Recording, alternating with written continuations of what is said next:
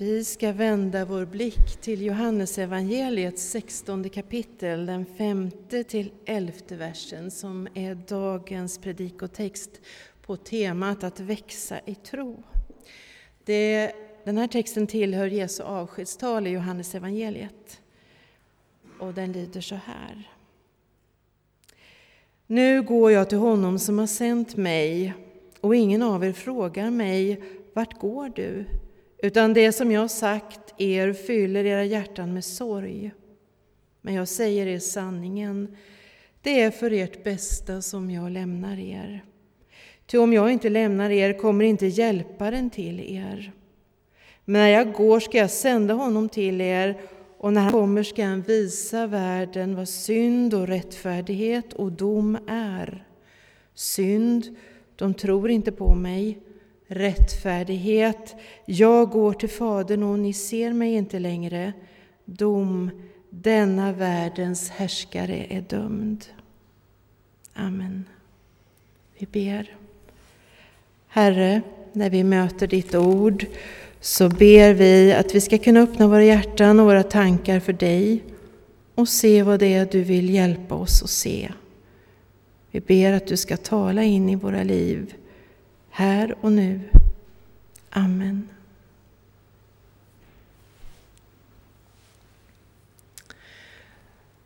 Varje dag vid den här tiden så går jag ut och tittar till mina rabarber.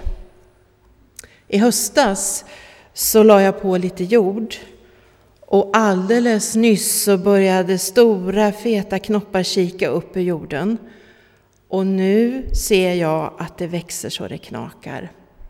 Man kan se hur skärkarna sträcker sig mot ljuset millimeter för millimeter, timme för timme. Och så vet jag att det väntar någonting ljuvligt i form av rabarberkräm, den första rabarberkakan. Det är något himmelskt över just det, tycker jag. Men så får jag också erkänna att det är precis så långt eller så kort som min odlarmöda sträcker sig. Ja, jag brukar ha några blomkrukor ute på gården med sommarblommor, men det där med odlandet, det är ju inte riktigt min grej och det har det aldrig varit. Det är sorgligt att säga, tycker min mamma.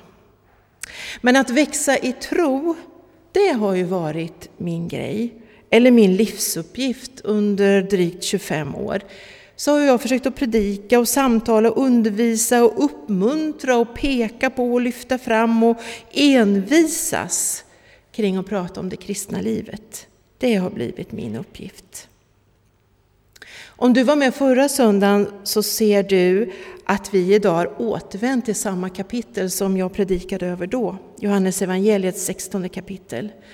Då, förra söndagen, så var vi någonstans i mitten av kapitlet, nu är vi i början. Och hela kapitlet handlar om uppbrott och har en ganska allvarlig ton. Det är som att Jesus försöker säga att det här är ingenting som vi kan ta lätt på. Och ska vi växa, växa i tro, så kräver det omsorg och ett visst allvar. Och i de här orden så finns det en stark förnimmelse av att svårigheter väntar inte bara på Jesus utan också på hans efterföljare. Och det finns en stark markering av att det är skillnad att känna Jesus och att inte göra det. Skillnaden mellan hur tron uppfattar sig och hur världen uppfattar tron. Förra veckan sa jag, och nu ska det här inte bara bli en predikan om vad jag sa förra veckan, men eftersom det här hänger ihop så säger jag det igen. Där och då förbereder Jesus sina lärjungar. Han bereder deras inre, deras tankar för vad det är som kommer att ske. Han förbereder dem och bereder också dem, deras inre, för att hjälparen ska komma. Att Andens tid ska bryta in och då ska det växa så det knakar. Anden som älskar att ge av sig själv, sin kraft, sitt tron, sitt hopp, sitt liv. Det där överflödet som strömmar genom Anden, livgivaren, sekund för sekund. Allt för att du ska bli stärkt. Anden som vill stärka oss i tron vill stärka hoppet i oss och kärleken i oss. Anden som är vad solen är för min och kanske din rabarberplanta. Anden vet ju att vi är ganska lika de första lärjungarna. När Jesus talar med dem om vad det är som ska komma så fastnar ju deras blick vid svårigheterna. De har svårt och ta till sig löftet om Andens närvaro. Utan de fastnar vi och blir ockuperade av rädslan att de ska förlora Jesus. De undrar vad det är som ska hända. Det finns en hjärtefråga hos dem. Hur ska det här bli? Hur kommer det att gå när vi inte har dig längre? Om vi inte har dig längre? Och en ganska lång tid så får de leva i någon slags långfredagskänsla av att allt är förlorat. De lever i den redan innan långfredagen kommer och Thomas, en av dem, kommer att leva i den och stanna i den även efter påskdagen. Det är lätt att handla med blicken på svårigheterna. Men Jesus försöker ju ändå föra dem genom förlusten till tanken och erfarenheten av att Anden kommer att vara ibland dem, är ibland oss. Att växa i tro handlar väl om att kunna öppna sig för Guds närvaro i tillvaron genom Anden, att öppna sig för Guds solsken. Andens varma vind, närvaron mitt i världen, mitt i oron, mitt i mörkret, mitt i.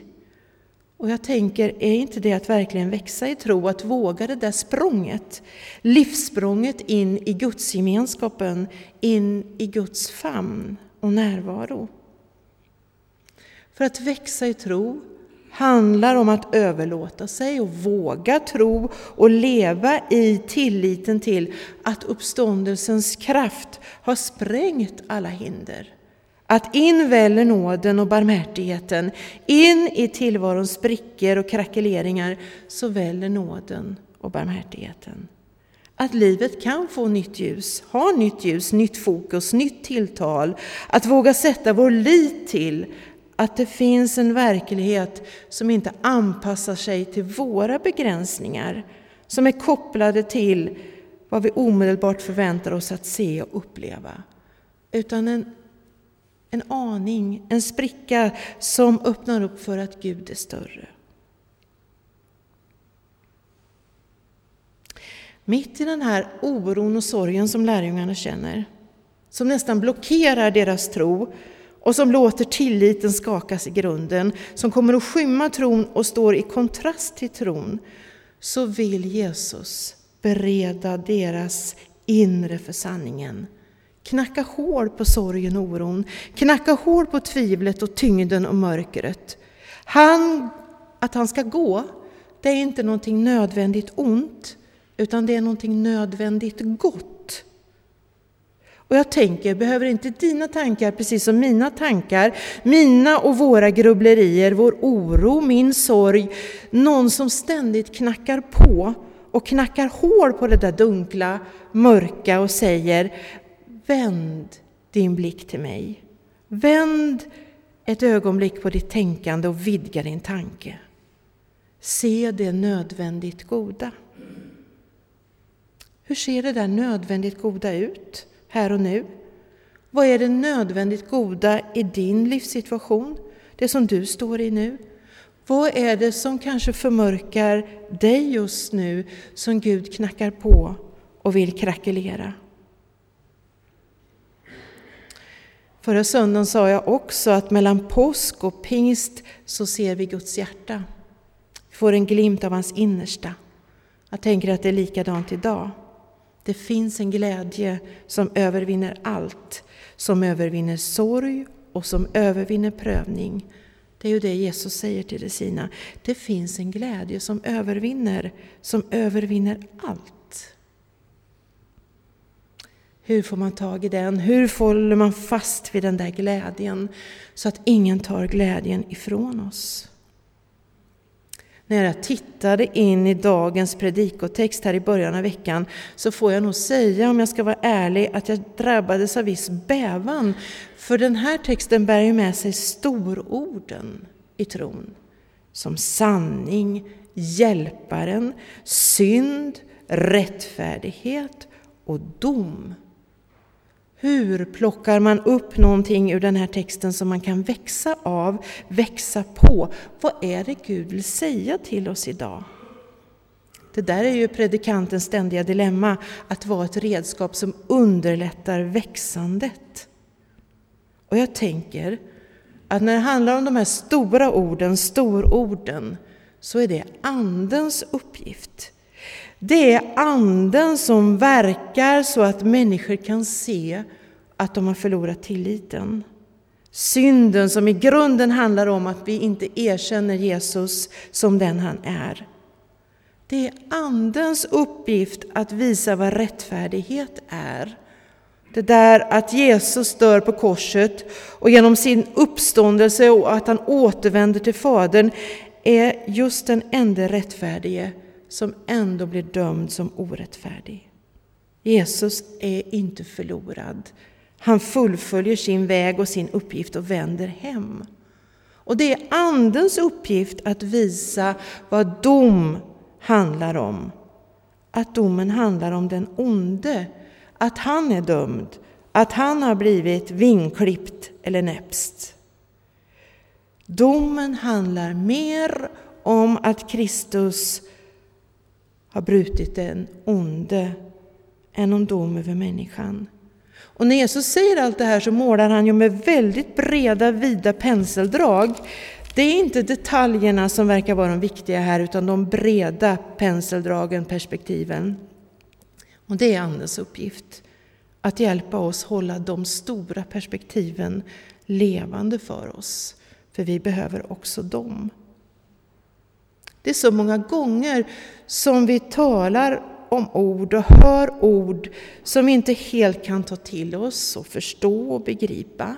Som vi inte riktigt anar vidden av förrän de landar i vår egen erfarenhet. Kan man helt och fullt förstå ord som de här stororden om inte Jesus genom Anden får röra vid oss och det blir en del av vår erfarenhet. När kunskap landar i oss och blir insikt. Trons växt förutsätter att vi får och har kunskap och att vi också behöver Anden som hjälper oss att förstå de nya erfarenheterna vi gör i livet så att orden blir bäriga för oss, bär oss. Jag behöver i alla fall Anden som slår hår på dunklet, som hjälper mig att lyfta blicken, som klickar ihop mig med Jesus själv och som talar till mig och säger det enda du egentligen behöver göra min vän, det är att hålla din blick fäst vid Jesus. Fokusera. Det är din uppgift. Håll fast vid din tro. Öppna dig för möjligheten att växa genom att vara hans, stund för stund, timma för timma, dag för dag. Håll din blick fäst vid honom. Jag tänker på några ord ur Hebreerbrevet där det står Låt oss ha blicken fäst vid Jesus, trons upphovsman och fullkomnare. För att vinna den glädje som väntade honom uthärdade han korset utan att bry sig om skammen och sitter nu till höger om Guds tron. Låt oss ha blicken fäst vid Jesus. Det sista jag ska dela med er det är en berättelse jag läste i veckan i en andaktsbok. Tankestund heter den. Just den dagen handlade texten om en person som hade en nära livet-upplevelse. Den här personen hade känt sig trött och nere ett tag. Orkade egentligen inte träffa folk och drog ofta ner persiennen och, och gick in i sig själv. Men en dag på bussen så stöter han ihop med en gammal vän och då får han berätta där på bussen hur trött han är, att han inte riktigt orkar, att nya saker skrämmer honom och att han är lite folkskygg. Och den här vännen lyssnar och så säger hon sen att hon har tänkt mycket på honom. och på allt fint som de delade under sin uppväxt och hur mycket han har betytt för henne. Och så säger hon att jag känner igen det här, jag har haft sådana här perioder jag med. Att det är jobbigt. Men livet brukar vända om man inte ger sig, om man öppnar sig för andra och inte stänger omkring sig. Och när den här killen går av bussen så känner han sig lite bättre till mods. Och inte busstation så ser han några barn som sparkar boll och hoppar rep och hojtar och skrattar när bollen far över stängslet och ut på gatan. Och han hämtar bollen och så kastar han tillbaka den över staketet och en liten flicka med långa flätor hon säger tack. Den där lilla berättelsen, mötet på bussen och barnen med bollen kan påminna oss om ett liv i överflöd. Att livet pågår oavsett hur vi känner oss. För inför den här barndomsvännen så fick han ju släppa masken ett tag han bar på och vara precis den han var. Och han fick höra att han var mer än det som han kände just då. Han blev påmind om roliga saker. Han såg plötsligt hur livet pågick omkring honom och så kunde han räcka ut handen och ge något tillbaka. Han tog upp bollen. Och så tänker jag när jag läser det här att Jesus har kommit för att vi ska ha ett liv i överflöd. Att det innebär kanske inte faktiskt att vi går omkring i ett lyckorus eller att vi får ett liv utan svårigheter. Men att han är med oss var vi än är och lyssnar på oss och påminner oss om vilka vi innerst inne är. Oavsett hur vi känner oss så är vi Guds älskade barn. Ett liv i överflöd. Det är vad Jesus säger. Jag har kommit för att de ska ha ett liv och liv i överflöd. Det kanske är så att utmaningen du fick tidigare, att se någonting som är rätt idag, handlar också om att få en nära livet-upplevelse idag. Kanske kommer den att möta dig i nattvardens bröd och vin om en liten stund. Kanske i någon sång, kanske senare idag. Men ett är då säkert, att här och nu så är du väntad, älskad, sedd. Någon knackar på, försöker tränga in i sprickorna och söker dig. Jag har kommit för att de ska ha liv och liv i överflöd. Amen. Tack Jesus för att du är här. Tack för att vi är här idag.